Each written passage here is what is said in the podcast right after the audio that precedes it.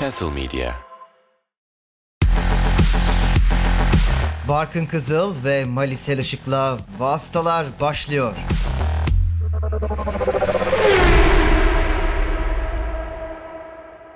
Samsung Galaxy Z Fold 4'ün sponsorundaki vasıtaların 87. bölümüne hoş geldiniz değerli yarışseverler. Bu bölümde Belçika Grand Prix'sinin ardından sizlerle birlikteyiz. Güzel de bir haber aldık. Neyse ki son Belçika Grand Prix'si değil en azından bir süre için bölüm içinde yer vereceğimiz, değineceğimiz konulardan bir tanesi olacaktır. Fakat öncesinde 31 Ağustos tarihine kadar e, ön satış dönemi var.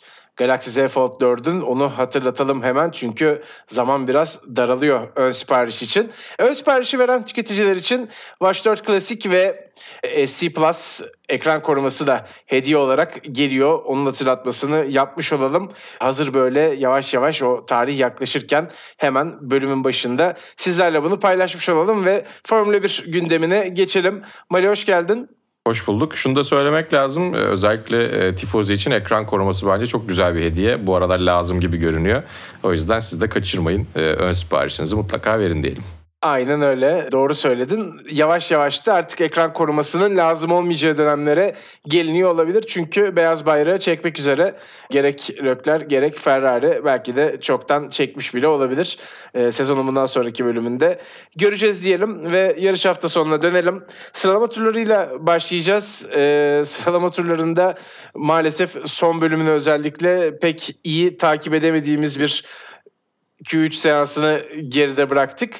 Ee, onun dışında birçok isim parça değiştirmeyi tercih ettiler. Bunu da aslında sıralama turları bölümünde e, konuşabiliriz. Çünkü grid'e doğrudan etki eden değişiklikler oldu bunlar. E, hatta bazı spekülasyonlar vardı. Ferrari'nin bir şeyleri doğru yaptığını düşündüren spekülasyonlar vardı. Leclerc o parça değiştiren grubun en önünden başlamayı hesaplamıştı.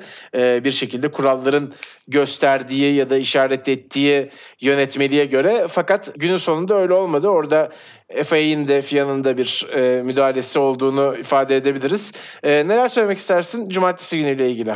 Bence FIA biraz burada sınıfta kaldı. Ee, ki zaten 5 kırmızı ışıkta e, sevgili Yiğit Tezcan ve Serhan Hoca'yla da konuşmuştuk. Serhan abi böyle detaylı bir şekilde anlatmıştı. Şu anda düşündüğümde hala kafam karışık ama e, o anlattığında o an içerisinde anlamıştım ama e, yani garip bir e, sıralama var. Normalde şey oluyor çünkü herkes gridin en arkasından başlayacak kadar ceza alıyor. Birden fazla varsa ki bu sene e, Sainz ve Magnussen arasında görmüştük. Sıralama turlarını en önde bitiren en önde başlıyor. Daha önce bu kural şöyleydi. Cezayı kim önce deklare ederse e, o önden başlıyordu. O biraz daha değişik tabii. Sonradan ceza almaya karar verenler için bir dezavantajlı. Şimdi biraz daha hızlı ön plana çıkaran çok net, çok basit bir aslında kural var. Ama e, her seansta 15 sıraya geçmeyecek kadar e, ceza alındığında Lökler'in ve Ferrari'nin denediği şey buydu. Gridin en arkası yerine en arkadaki yani ilk işte bir seansta 20 sıra ceza alanlar direkt gridin en arkasına geçiyor 20 otomobil olduğu için. E, onlardan bir önde başlamalık bir boşluk bulmuşlardı. Bence aslında FIA'nın bu boşluğu bir sonraki yarışta kapatıp e, bu hafta sonu için Lökler'e bir fırsat vermesi gerekiyordu. Yani geri kalanların en önde Lökler olabilirdi. Bottas'la birlikte belki Bottas'ın arkasında. Olur mu öyle şey ya deyip kendileriyle çelişti gibi oldu sanki FIA. Onun dışında tabii ki hafta sonu içerisinde bunu değiştirebilme hakkına da sahipler ama hani e, geçtiğimiz yıldan itibaren artık e, dersler çıkarmışlardır diye düşünüyordum bir şey sürerken kuralları değiştirme konusunda. E, onun dışında Valtteri Bottas'ın durumu biraz daha farklıydı. On, 17 diğerlerinden önde başladı diye sorarsanız. Vites kutusu değil sadece motor komponentleriyle ilgili ceza aldığı için artı vites kutusu değiştirmediği için onun cezası tek alan içerisindeydi. E, o yüzden e, Valtteri Bottas'ın aldığı cezalar diğerlerine kıyasla bir parça daha onun önünde başlayabilmesine sebep oluyormuş. Kural kitapçıklarının o karmaşık dehlizleri içerisinde böyle ufak avantajlar varmış. E tabi bu e, gridi belirlemeye çalışan bizler için elde kağıt kalem birazcık gergin bir şekilde sonları izlememize sebep oldu. Evet. E, gergin değilse de kafamız karışık şekilde son tarafları izlememize sebep oldu. Ve senin de söylediğin gibi rejinin resim seçiciliği son seansta çok iyi değildi. Aksiyon nerede değilse onu gösterdiler. Üzerine sen bir de F2'de e, sıralama turlarında biraz problem yaşamışsın galiba. Evet orada da kriz oldu. Yani son 5 dakikası ki ben de anlatım sırasında artık hani en heyecanlı, en izlenesi bölümüne geldik diye lanse etmiştim. Çünkü hızlı turlar o bölümde geliyor genelde. E, pat diye görüntü gitti. Onun yerine e, bu sürücülerin pistin üzerinde nerede olduğunu gösteren ekranın başlık görüntüsü ekrana yansıdı. E, maalesef öyle bir problemde yaşadık. Yani reji bizi bir anlamda da şaşırtmamaya devam ediyor aslında. E, ama yapacak da bir şey yok işte hatalardan ders çıkarıp onların da herhalde biraz daha öğrenmesi gerekiyor. Bu ceza meselesi... Ya aslında bence iyiler. Monaco dışında fena değiller de belki yaz tatilinden dönüş rehaveti Evet, olabilir diye o düşünüyorum. olabilir. Bence her o kadar kötü değiller çünkü eksikleri oluyor tabii ki de e, resim seçiciliği özellikle dediğim gibi görüntü seçimi konusunda bazen sıkıntılar oluyor. Belki de şeydir işte e, pistten görüntüyü alabilmişlerdir ancak uyduya dağıtamamış olabilirler. Teknik bir problem de olabilir veya senin e, bir, de, bir teorin daha vardı. E, hangisi e, dirseğiyle basmış olabilir? Aynen. yani o öyle bir ihtimal de var tabii. Dirseğiyle basanlarda yine Sherlock'lerin yarış mühendisi Xavi'nin de belki orada bir e, şey olabilir. Katkısı olabilir. Xavier e, Marcos Padros'un. Bilmiyorum açıkçası. Enteresan şeyler oldu. Yine oraya da geliriz Sherlock'lerden bahsederken. Fakat dilersen önce Galaxy Z Fold 4 ile haftanın hızını ikiye katlayan pilot bölümüne de geçelim. Ee, burada Max Verstappen'i yine öne çıkartacağımız bir yarış hafta sonunu geride bıraktı. Gerçekten diğer herkesi gölgeleyen bir performans ortaya koydu Max Verstappen Spa'da. 14. başladığı yarışta yani pat diye ikinci oldu zaten. 12 turda geldi ikinciliğe. Nasıl geldiğini anlamadık bile ki Perez de pek kolay yol vermedi. Ee, ama Max'ın da hemen serzenişte bulunduğunu gördük. Burada saçma bir şekilde zaman kaybediyoruz demişti. Sonra da çok zorlanmadan geçmeyi başardı zaten takım arkadaşını ve ilk pit stoplardan sonra da liderliği aldı. Bir daha da bırakmamak üzere aldı o liderliği. Ee, ve oradan da büyük bir fark da yaratarak Perez'e dayı çok büyük fark yaratarak kazanmayı başardı. Aslında hafta sonu öncesinde geriden başlayacağını bilmemize rağmen Max'ın kazanabileceğini hatta büyük ihtimalle kazanacağını e, düşünmüştük. E, Russell yine aynı şekilde böyle bir açıklama yapmıştı. Max'ın kazanmaması için hiçbir sebep yok diye ki başlayacağı yeri de biliyordu aslına bakarsan. Çok çok önemli bir başarıya imza attı. Kariyerinin de zirve performanslarından bir tanesi oldu. Bence zaten form durumu olarak da e, kariyerinin şu anda zirvesinde ama tavanı hala bu olmayabilir. Zaten rakipler için esas düşündürücü olan kısım bu. Yani bu çizgiyi devam ettirmemesi için çok bir sebep göremiyorum. Max Verstappen e, kafa yapısındaki bir pilotun ki onun da yeteneklerinin de tabii e, aslında ne kadar parladığını da görüyoruz bu kafa yapısında olduğu zaman. Evet yani Max Verstappen'in bu kadar hızlı bir şekilde geliyor olması, bu kadar rahat kazanıyor olması falan e, gerçekten rakiplerine çok büyük bir gözdağı ve senin de söylediğin gibi daha iyisi henüz gelmedi gibi hissettiriyor. Ya özel pilotlarda bunu hep görüyorsunuz aslında işte e, Mia Schumacher'de zamanında görüyorduk, Alonso'da gördük. Belki yanlış bir şekilde devam etti o. Daha iyisi henüz gelmedi diye düşündüğümüz zamanlardan sonra bir kez daha şampiyon olamadı belki ama öyle hissettiriyor büyük pilotlarda. Sebastian Vettel de benzer şekilde 2009'da 2010'da çok daha iyi şeyler yapabileceğini yavaş yavaş görüyorduk. Zaten 11'de ve 13'te e, inanılmaz işler yaptı. 2012'de geriden gelip şampiyon oldu. Hamilton da aynı şekilde benzer durumları gördük. E, biraz Alonso'dan biraz Vettel'den gibiydi Hamilton'ınki. Çünkü e, 2008'de şampiyon olduktan sonra dedik ki tamam Hamilton gerçekten çok özel bir yetenek. 2007 2007'den itibaren belliydi bu iş ve buradan sonra alıp gidecek. Sonra böyle bir ufak düşüş yaşadı 2009, 10, 11 hatta 12 ee, biraz böyle ara ara kendini gösterdi. Ara ara düştüğü zamanlar oldu. 2013'te Mercedes'e geçtikten sonra ya olur mu olmaz mı acaba artık falan bir bakmak gerekiyor dedik. 2014'ten sonra dedik ki evet çok özel zamanlar gelmek üzere. E, o yüzden Max Verstappen için de şu anda iki tane yol görünüyor. Bir ya çok saygı duyulacak ama yeterli şampiyonlukları belki hak ettiği kadar fazla şampiyon olamayacak bir pilot olacak Alonso gibi. Yine çok saygın bir yerde olacak. Veya gerçekten e, dominasyondan kurtulduk diye beklerken bir de Max Verstappen dominasyonu göreceğiz. Ki bence bu arada e, buna da girmek gerekiyor takımların ve pilotların arka arkaya şampiyon olmasından ziyade e, sadece belli takımların şampiyon olabileceği, birinci ile sonuncunun arasındaki farkın çok açıldığı bir durum ve şampiyon olan takımlara ket vurulması bence FIA'nın en büyük eksiklikleriydi. E, şu anda birinci ile sonuncu arasındaki fark azalıyor. Herkes mücadele içerisinde en azından geri kalanlar içerisinde olabiliyor. 2022'nin e, bu kurallarla ilgili ilk sezon olduğunu düşünürsek bence rekabet açısından da ileriye doğru adım atıldı. Max Verstappen herkesi ikiye katladı dediğin gibi başka bir durum oldu orada ama e, ben daha sağlıklı bir Formula 1 görüyorum rekabet açısından. E, ve bu kural değişiklikleri lider gideni geriye götürmek için değil daha sağlıklı bir Formula 1'e getirildi. İlk defa büyük kural değişiklikleri bu kez birilerine geri tutmak için değil gerçekten e, aradaki farkı kapatmak için e, yapıldı. O yüzden Max Verstappen'in senin de söylediğin gibi e, buradan sonra arka arkaya şampiyonluklar kazanmaması için ben de çok fazla bir sebep görmüyorum. Ama tabii ki buradan baktığımızda görünen ne gelecekte olacaklar. Genelde farklılaşabiliyor. Yine de yani bu kadar rahat bir şekilde ya tabii ki kazanacaktı başka ne olabilirdi ki diye düşünüyor olmamız bence çok ilginç. Ee, yani ilk pit stoplardan sonra 18. turda net bir şekilde Sainz'i geçerek liderliği aldı. Çünkü Sainz erken pite geldiği için arada böyle bir geçiş dönemi de oldu. Belki daha erken tamamen liderliği alabilirdi Sainz pist üstünde kalsaydı. Çünkü hemen arkasındaydı. Yani Macaristan'da 10.luktan burada 14.lükten arka arkaya kazandı ki ikisi de kariyer rekoruydu. Ee, daha önce sadece bir kez olmuş bak. Ee, tarihte ilk 10 dışından iki yarış üst üste kalkıp kazanan ikinci pilot Max Verstappen bir öncekinden bahsedebilmek için ta 1950'lerin sonuna 60'ların başına gidiyoruz. Bruce McLaren 1959'un son yarışını Sebring'de 10.luktan kalkarak kazanıp 1960'ında ilk yarışını e, Arjantin'i 13.lükten kazanmış. Başka örneği yok. Tabii şöyle bir durum var. Çok rahat yarış kazanabilecek pilotlar genelde önlerden başlıyorlar. Bunun sebeplerinden bir tanesi bu. Hani motor cezası olduğu için ve işte e, çeşitli cezalar veya gerilerden başlamalar biraz daha olağan dışı durumlar. E, bu kadar rahat bir şekilde önlere gelebilecek pilotlar ve araçlar genelde önden başladıkları için bu rekor böyle. Ama yine de arka arkaya bunu başarabilecek şekilde Max Verstappen'in bunu göstermesi de ilginç ki Red Bull zaten Verstappen'in bu arka arkaya iki geriden galibiyet öncesinde bir kez ilk onun dışından yarış kazanmıştı. E, o yüzden hani e, çok özel bir performans sergiliyor. Yaz arasına giderken de bahsetmiştik. Yine sezon arası değerlendirmesi özel bölümümüzde de bahsetmiştik. Dinleyebilirsiniz dinlemediyseniz.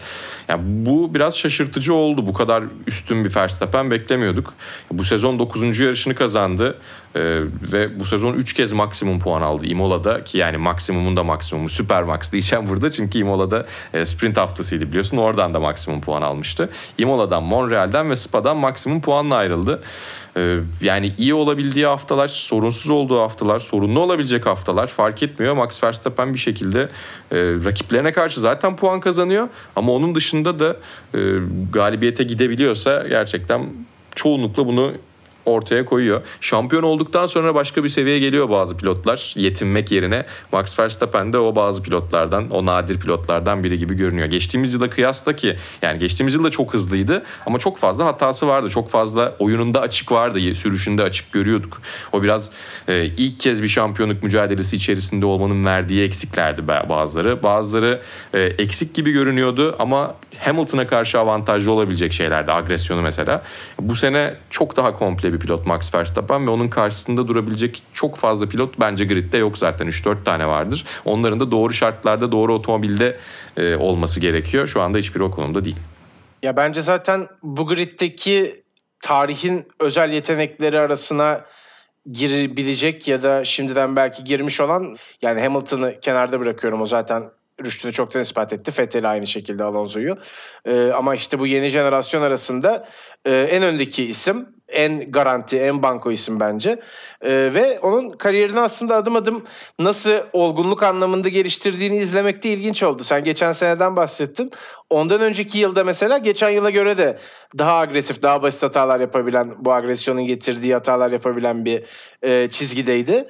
Adım adım üstüne koyuyor. Hatta üstüne koydukça böyle e, pist dışındaki karakteri de olgunlaşıyor. Mesela e, daha ki. sempatik olmaya da başladı. Daha böyle akılcı açıklamalar ya da daha akılcı yarış içindeki mesajları bile o yana doğru gitmeye başladı. E, o yüzden enteresan da böyle bir hikayesini izliyor gibiyiz. Yine bu dönemde olduğumuz için şanslı olduğumuz anlardan bir tanesini yaşıyoruz bence. Birçok sporda bunun zirvesini e, biz kendi jenerasyonumuzda takip edebilme ayrıcalığına erişmiştik zaten. Formula 1'de de mesela yeni bir hikayeyi tekrar Max Verstappen'le de e, yaşamaya devam ediyoruz gibi gözüküyor. Onun dışında sen maksimum puanlardan bahsettin. Aslında Red Bull da maksimum puanı çıkarttı. Çünkü Perez de ikinci oldu. Doğru. E, dolayısıyla masada hiç puan bırakmadan geçirdikleri bir hafta sonu anlamına geliyor bu. Perez'in de e, çok iyi olduğu pistlerden bir tanesi olmayan Spa'da ilk podyumunu alarak e, kariyerinin de en iyi sonucuna ulaşmasıyla geçirdiğimiz bir hafta sonu oldu diyelim. E, Ferrari'ye geçelim. Orada Sainz'ın podyumu tabii ki iyi bir sonuç. Yarış içinde e, hesaplamalar, beklentiler George Russell'ın Sainz'ı geçebileceği yönündeydi. Hatta geçeceği yönündeydi ama sonrasında e, bir şekilde Ferrari önde kalmayı başardı ki aslında lastik hesaplarında bütün takımlar problem yaşadılar. Bütün takımların beklediğinin üzerinde bir lastik aşınması vardı. O da garip garip planların konuşulmasına sebep oldu. McLaren'dan G planı duyduk mesela. Ee, işte Ferrari'den yine alfabenin çeşitli harfleriyle ilgili planlar duyduk telsiz mesajlarından. Günün sonunda Sainz podyumu almayı başararak bu sezon 7. kez podyuma çıktı. Leclerc'le arayı biraz daha kapattı. Bu konunun takipçisiyim Mali.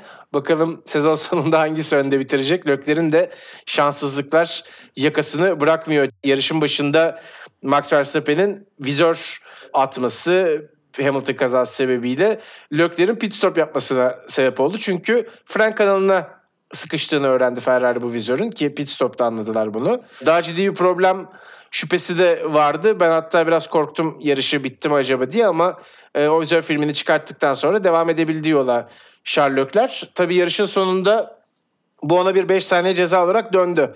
Aslında pit limitörünün e, o hızı denetleyen sensörünü bozduğu için e, günün sonunda yine dramatik bir etki de yarattı. Leclerc'in sadece bir ekstra pit stop fazladan yapması dışında.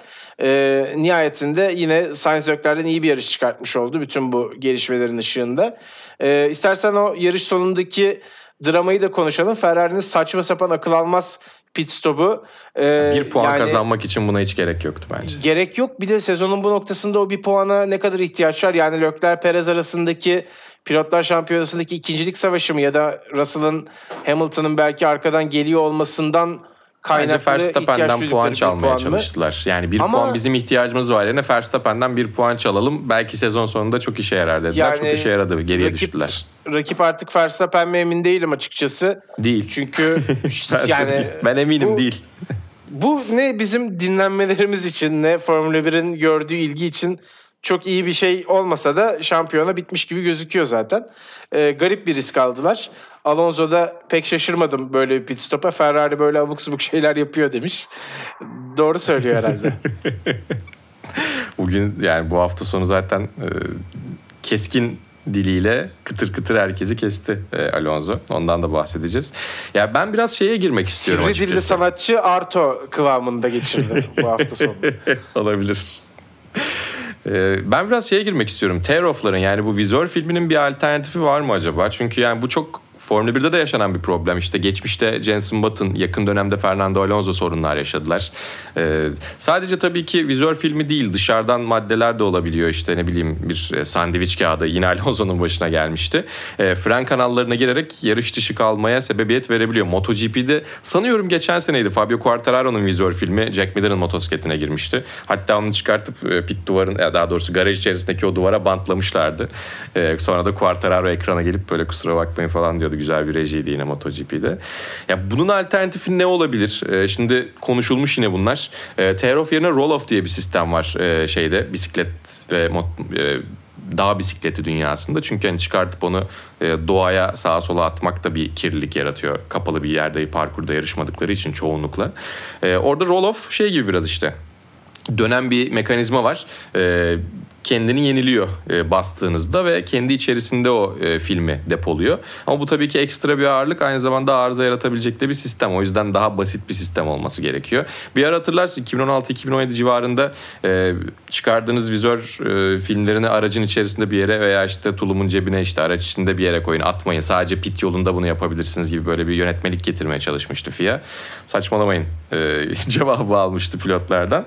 Ama bir çözüm bulunması gerekiyor mu işte ya da çok spesifik bir probleme mi takılıyoruz? Çünkü yani araçların birbirine çok yakın olmadığı zamanlarda genellikle e, vizörü temizlemek gerekiyor. E, sonuçta Hamilton'ın aracından gelen o kirpis e, kazayla birlikte gelen durum e, Max Verstappen'in vizörünü kirlettiği için bu kadar erken bir şekilde attım diye söylüyordu. Max Verstappen'inki geliyor bu arada onu da söyleyelim. Verstappen'in vizör filmi nedeniyle erken pite gelmek zorunda kalıyor Leclerc. Ama böyle bir e, fikir teatisi yapmak gerekiyor. Belki dinleyicilerimiz falan hani e, akıllarına bir şeyler gelirse bize sosyal medya hesaplarından da ulaşabilirler. E, vizör filminin alternatifi olur mu? Ya da bambaşka bir teknoloji bulunur mu? Ya da bu tarz şeyleri çok fazla e, karmaşıklaştırmak da e, bazı sistemlerin basit tutulması gerektiği gerçeğinin e, tersine düşer mi? Emin değilim ama şöyle bir e, arka planda e, CPU'nun bir kısmını buna e, harcayacağım. Çözümü kesin ben bulacakmışım gibi konuştum tabii. Evet Öyle bir- sen iletirsin FIA'ya belki. Tabii tabii. Mucit bir insan yola çıkabilirler. olmadığımı aslında dinleyicilerimiz biliyordur. Çok mühendis kafası yok bende ama e, yine de üzerine konuşulması gereken bir şey bence bu. Ya arada da denk geliyor. Bazen belki de motorsporunun mekanik kısmının içerisinde bu da var da diyebiliriz. E, ama e, yani sıklıkla bu problem çıkartıyor. E, o yüzden üzerine düşürülmesi gereken bir konu diye düşünüyorum. Buradan da istiyorsan Hamilton Alonso kazasına bağlayalım. Evet geçelim oraya da. Ee, yarışta gidişatı değiştirebilecek bir kazaydı. Gerek Alonso'nun önden aldığı start ve Alpine'in bu hafta sonu gösterdiği gerçekten yüksek tempo ee, ki yarış sonunda da aslında e, şöyle bir gidersek Ocon mesela çok memnun olduğunu takıma geldiğinden beri en iyi hafta sonları olduğunu söylemişti. Ee, Fernando Alonso da gidebileceği yerin belki biraz daha arkasında bile kalmış olabilir. Belki Russell'la mücadele edebilirdi. Yani tabii farazi konuşuyoruz ama e, neden olmasın. Ee, bir şekilde e, yarışın aslında sonunu etki etti. Yani sadece aslında Alpine cephesinde de değil, e, Lewis Hamilton'ın da yine Russell'ın dördüncülüğünden ve temposundan yola çıkarak e, ön basamaklarda belki podyum için savaşırken geçirebileceği bir yarışı çöpe atmış oldu bu kaza ama e, teması izlediğimiz zaman özellikle araç üstü kameradan izlediğimiz zaman e, bunun Hamilton hatası olduğu anlaşılıyor ki zaten kendisi de görüntüleri gördükten sonra benim hatamdı demiş. Kazanın oluşumundan daha çok kaza sonrasında Alonso'nun tepkisi enteresandı. Ee, Hamilton'la Alonso'nun zaten hani geçmişe dayanan da bir e, rekabeti ya da aralarında bir tuz oranı yüksek olma durumu var. Ee, dolayısıyla Alonso'nun açıklaması biraz daha öne çıktı bu anlamda. Ee, bu adam sadece önden start alıp önde sürmeyi biliyor dedi. Yani Hamilton'ın bazen gereksiz e, agresyonlar yaptığını ben düşünüyorum. Kendi kumaşındaki ve kendi tecrübesindeki bir sürücü için. E, daha önce mesela Albon'un canı sıkılmıştı bundan iki yıl önce. E, geçtiğimiz yılki Silverstone'da Verstappen'le temas çok konuşuldu. E, orada da yine üstüne kapanıyor mu gibi. Ee, ama nihayetinde e, Alonso da yarıştan sonra aslında biraz olayın sıcaklığıyla bunu söylediğini, Hamilton'ın da kendi hatasını kabul ettiği için ona müteşekkir olduğunu dile getirdiğini gördük. Ee, ama ilginç bir sürtüşme olduğunu herhalde söyleyebiliriz ikili arasında. Evet tabii yani o anda insanın e, ağzından çıkacak şey başka. Yıllardır düşünülmüş bir şeyin ortaya çıkıyor olması başka. Ama şey tabii ki yani radyo mesajlarını takım tersi mesajlarını daha doğrusu o bağlamda değerlendirmek lazım. Profesyonel spor içerisinde dışarıda konuştukları kadar sakin olmuyor pilotlar. Sonrasında olur öyle dedilerse bence üzerine de çok takılmamak gerekiyor. Ama hepimiz şöyle bir eyvah ya ne dedi moduna girdik e, gördüğümüzde. Eğlenceli bir andı deyip geçelim bence. Üstünden yani gazeteciler çok fazla bir şeyler çıkarmaya çalıştılar ama iki tarafta Alonso da Hamilton da o primi vermedi. O yüzden biz de o kadar prim vermeyelim. Evet belki el ele kol kola görmeyiz ikiliyi ama en azından Zorunda da değiller zaten canım. Herkes arkadaş olmak zorunda değil. Yok zaten olması mümkün de değil bu kadar rekabetin üst seviyede olduğu bir sporda ki işte yaşanmışlıklar da var bir Tabii, yandan. tabii. Dolayısıyla e, en azından hani tatlıya bağlanarak geçildiğini söyleyebiliriz. Ama Hamilton için tabii Spa karnesi garip gidiyor. Değil mi? İlk 5 tur içinde 3. e, DNF oldu. Yarışı bitirememesi oldu. Kaza sebepli olarak. İlk turdaki hemen düzelteyim ben orayı. Kariyerindeki 5 ilk tur. DNF'inin 3'ünü Spada almış. Ben onu çok e, notlara karışık Ben, yazdığım ben, ben için de tabii yanlış ki. ifade ettim zaten. Ee, o yüzden onu da tekrar düzeltmiş oldum. Yani ilk turda 5 kere yarış dışı kalmış. Bunların 3'ü Spa'da. E, geri kalan ikisi şey e, nerede acaba? Bir tanesi zaten şeyde Barcelona'da 2016. Zaten kariyerinde 5 yarış bitirememiş olsaydı o zaman çok başka şeyler konuşuyor olurduk yani. 25. şampiyonluğundan bahsediyorum. Aynen. Hamilton'ın yarış dışı kalmasıyla bir de e, bu sene tüm pilotlar en az bir DNF almış oldu. E, herkes e, en az bir kez yarış dışı kalmış oldu. Podyum Onu da şöyle bir bitti. 60 oldular. Tabii podyum serisi gitti. Doğru söylüyorsun. 5 yarıştır podyuma çıkıyordu. Son ikisi ikincilik de hatta ikincilik serisi de gitti. Mercedes de podyumdan uzak kaldı. Monaco'dan sonra ilk defa podyuma çıkamadılar. Bakalım Mercedes'te çünkü tam ne olduğunu anlayamadık ama ya bu hafta herhalde daha özel bir haftaydı diye düşünüyorlar. E, tabii bir taraftan e, Yunuslama ile ilgili direktif bu hafta devreye girdi. Üzerine çok konuşmadık. E, Mercedes oradan da sorunları çözdükten sonra bir geri adım attı mı e, üzerine o da konuşulacaktır. Ama yani bu kadar beklentileri yüksek tutup iyi bir seriyle yaz arasına gittikten sonra dönüşleri bence e, pek e, iyi olmadı. Ee, Ama işte önümüzdeki yarışlara bakmak gerekiyor. İki tane farklı tür yarış olacak şimdi. Sandford ve Monza. Ya Evet. ikisinde de çok iyi değillerse tamam demek ki gerçekten toparlayamamışlar. Ee, Bir hayal içerisine girmişler deriz. Ama bir şu 3 3 yarışlık bloğu bir takip etmek gerekiyor Mercedes'le ilgili sezonun geri kalanında e, bir şeyler söylememek e, söylemek için. Evet çok peşin hükümlü bir şey söyleyemeyiz. Mesela Aston Martin için de aynısı geçerli belki. Çünkü iyi gözüktükleri bir hafta sonu geride kaldı. Ee, gerçekten iddialı bir performans gösterdiler. Vettel zaten 8. sırayı da almayı başardı yarışta. Çok iyi. Onlar için de bence aynısı geçerli. Ee, yani birkaç yarışına daha bakmak lazım bundan sonraki takvimin. Ee, belki ona göre ileri adım attıklarını konuşabiliriz ya da tek seferlik bir durum olduğunu ifade edebiliriz. Albon için de yine aynısı geçerli. Ee, yani Williams'ın biraz daha istisnai genel performansını düşündüğümüz zaman. Ama o da Spa'da iyi özel bir hafta sonu geçirdi kendisi ve takım için. Ee, yine altını çizip tebrik edelim Albon'u da. Ee, Bottas'ın tabii garip yarış dışı kalma olayı. Latifi bu noktada e, garip bir hata yapıyor yine. Piste dönerken de Bottas'ı şöyle bir yarıştan çekip alıyor. Ee, bu da Bottas'ın şanssızlığı oldu. Öte yandan Pierre Gasly de çok iyi bir yarış geçirdi gerçekten. Pit yolundan başlamıştı. Yine aslında arkalarda puansız geçireceği bir yarış olabilecek gibi gözüküyordu. Fakat günün sonunda iyi bir sonuca gitti Gazi. Puan çıkartmayı başardı. Eski Gazi'den de izleri gösterdi. Evet yani Pierre Gasly'nin aslında bu hafta sonu da biraz e, duygusal bir hafta sonu içerisinde olduğunu tahmin etmek güç değil. Yine Anthony Ber'in hayatını kaybettiği yere gidip e, işte saygı duruşunda bulunanlar oldu. E, çiçek bırakanlar oldu. Çok yakın arkadaşıydı hem Lökler'in hem Pierre Gasly'nin. O yüzden bu hafta sonuna başlarken bir kısmı kafasını meşgul ediyordur diye düşünüyorum. Aynı zamanda 100. yarışıydı. Onun da getirdiği bir baskı var mıydı bilmiyorum ama sezon çok iyi gitmiyor. Onun da getirdiği bir baskı. Üstüne bir de e, pit yolundan başlayabildi. Son dakika belli oldu bir de o Snowda'nınki biraz daha erkendi. Yaklaşık bir yarım saat kalaydı. E, sonlara doğru bir problem çıktı aracında ve yetiştiremedikleri için pit, pit yolundan başlamak zorunda kaldı Gazi ve oradan çıkıp 9. oldu. E, ben çok takdir ettim açıkçası. E, hafta sonunun en iyi performanslarından biriydi. Yani herkesin yükselişini özellikle de tabii ki e, Verstappen'in ve Leclerc'in yükselişini takip ettik ama e, bence Pierre Gasly o kadar fazla ekrana gelmemesine rağmen e, hafta sonunun herhalde Max Verstappen'den sonra e, en iyi sürüşünü yaptı. E, diğer taraftan bir de e, Alpinler bence geriye kalanların en iyisiydi. Red Bull dışında geriye kalanların dahi en iyisi denilebilir. Ama Ocon ve Alonso'nun performansı güçlü. Ocon'un geçişleri, Alonso'nun startı çok iyiydi. Yine de daha iyisi gelir miydi diye şöyle bir insan düşünüyor. Yani Alpine'in podyumu koklayabildiği ortamlar oluşacak mı? Tabii şu an Alonso ile araları çok iyi değil.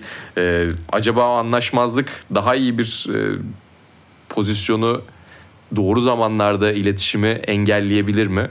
Ee, biraz bunu da düşünüyorum. Çünkü Alpine belirli türdeki pistlerde ki bir sonraki muhtemelen Monza olacak iyi performansları e, podyumu koklayabilecek durumda. Hatta belki çok olaylı bir yarışta hani Pierre Gasly'nin 2020'de kazandığı gibi bir yarışta e, Alpine yarış galibiyeti adayı da olabilir. Takımlardan bir tanesi mutlaka o. Onlar e, o yüzden e, Alpine içerisindeki o karışıklık piste bu hafta sonu yansımadı. O biraz ilginç geldi bana. Ama sezonun geri kalanında da yansır mı yansımaz mı e, merak ediyorum.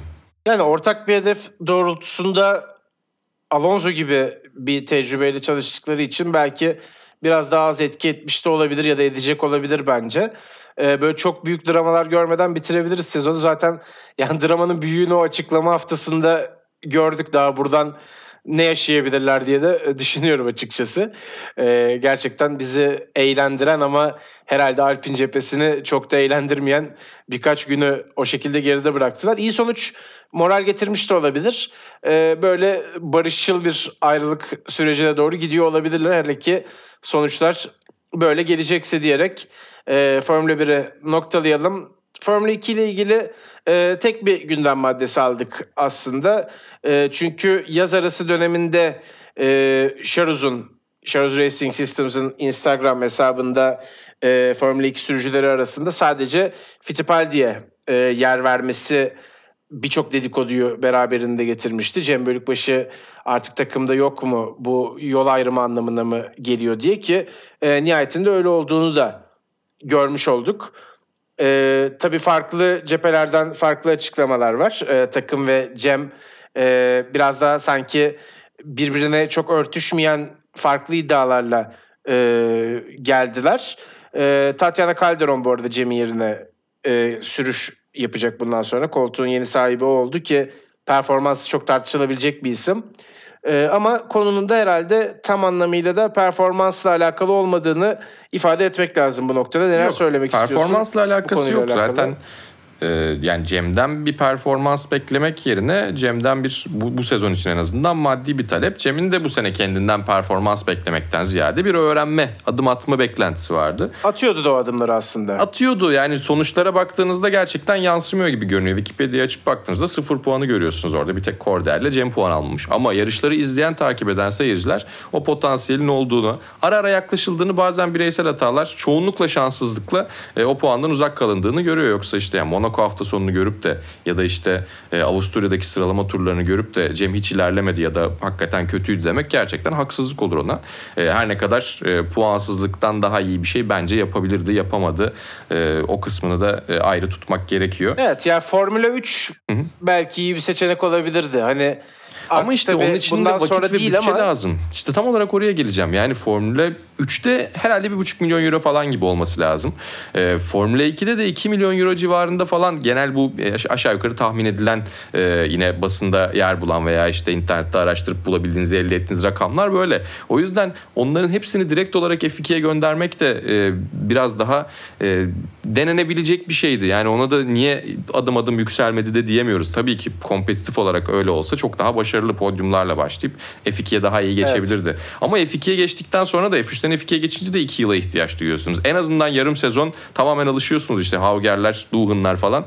Ee, yarıştaki performanslarını sezonun yarısından sonra alabildiler. Dolayısıyla yine 2 sezon gerekiyor. Onu bir kenara bırakıyorum. Bence orada denenebilecek bir şey vardı. Zaten kaybedilen yılları geri almak için büyük bir adım bence atılabilirdi. Onun dışında da e, yani maddi olarak gerçekten F1'in resmi destek serileri de onun dışındaki diğer alt seriler, alt junior formüle serileri de sürdürülebilir değiller. O yüzden takımlar mecburen paraya bakıyorlar. Ee, en azından bir pilotları ki yani iki pilotlarıyla veya üç pilotla yarışılan serilerde üçünün de birden e, tamamen dışarıdan destek getirmesi söz konusu olabiliyor. İşte bunu ya kendi cebinizden veriyorsunuz ya bir e, takımla bir Formula 1 takımıyla bir junior takımı içerisindeyseniz onlar veriyorlar. Veya sponsorlar vasıtasıyla e, bunu yapabiliyorsunuz ama bir kaynak üretmek zorundasınız. Yani e, bu takımların elde ettiği ödüller, bu takımların elde ettiği kazanımlar kendilerini döndürmeye yeterli değil. Bu yüzden de sürekli o maddi durum değişiyor ki zaten e, Şaruz çok fazla detaylı bir açıklama yapmamıştı. E, büyük bir kontrat ihlali olarak yazmışlar ki bence onu detaylandırmayı da e, kendilerine görebilmeleri gerekiyor spekülasyona yer vermemek adına. Ama bence hani biyodan çıkarmak falan biraz çocukçaydı diye düşünüyorum. Bu pazarlık e, sürecinde diye tahmin ediyorum orayı yine dışarıdan tahmin ederek. E, Cem'in açıklamasında e, yarışın yani daha doğrusu sezonun geri kalan roundları için yeni maddi talepler olduğuna dair ve bu konuda bir uyuşmazlık olduğuna dair bir e, açıklama var. O da tabii ki Cem'in tarafı. E, biz bunu yani yine doğru taraf diye söylemiyoruz ama objektif bir şeye gelebilmek için iki tarafı da değerlendirmek gerekiyor. O yüzden iki tarafa da söz hakkı vermek gerekiyor.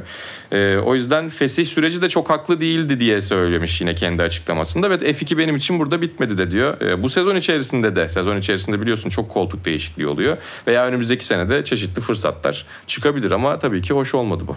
Yani uzaktan baktığın zaman, dışarıdan baktığın zaman da e, yani bir sezonluk anlaşmanın yapılmış olduğu bir ortamda işte önümüzdeki birkaç yarış için e, tekrardan farklı maddi talepler içine girilmesi de en azından anlaşma ya da sözleşme etiğine de pek uygun gözükmüyor ama onu da söylemek lazım. Tabii E, FIA hiç çünkü ortada karışmıyor bence. En büyük var. problem o.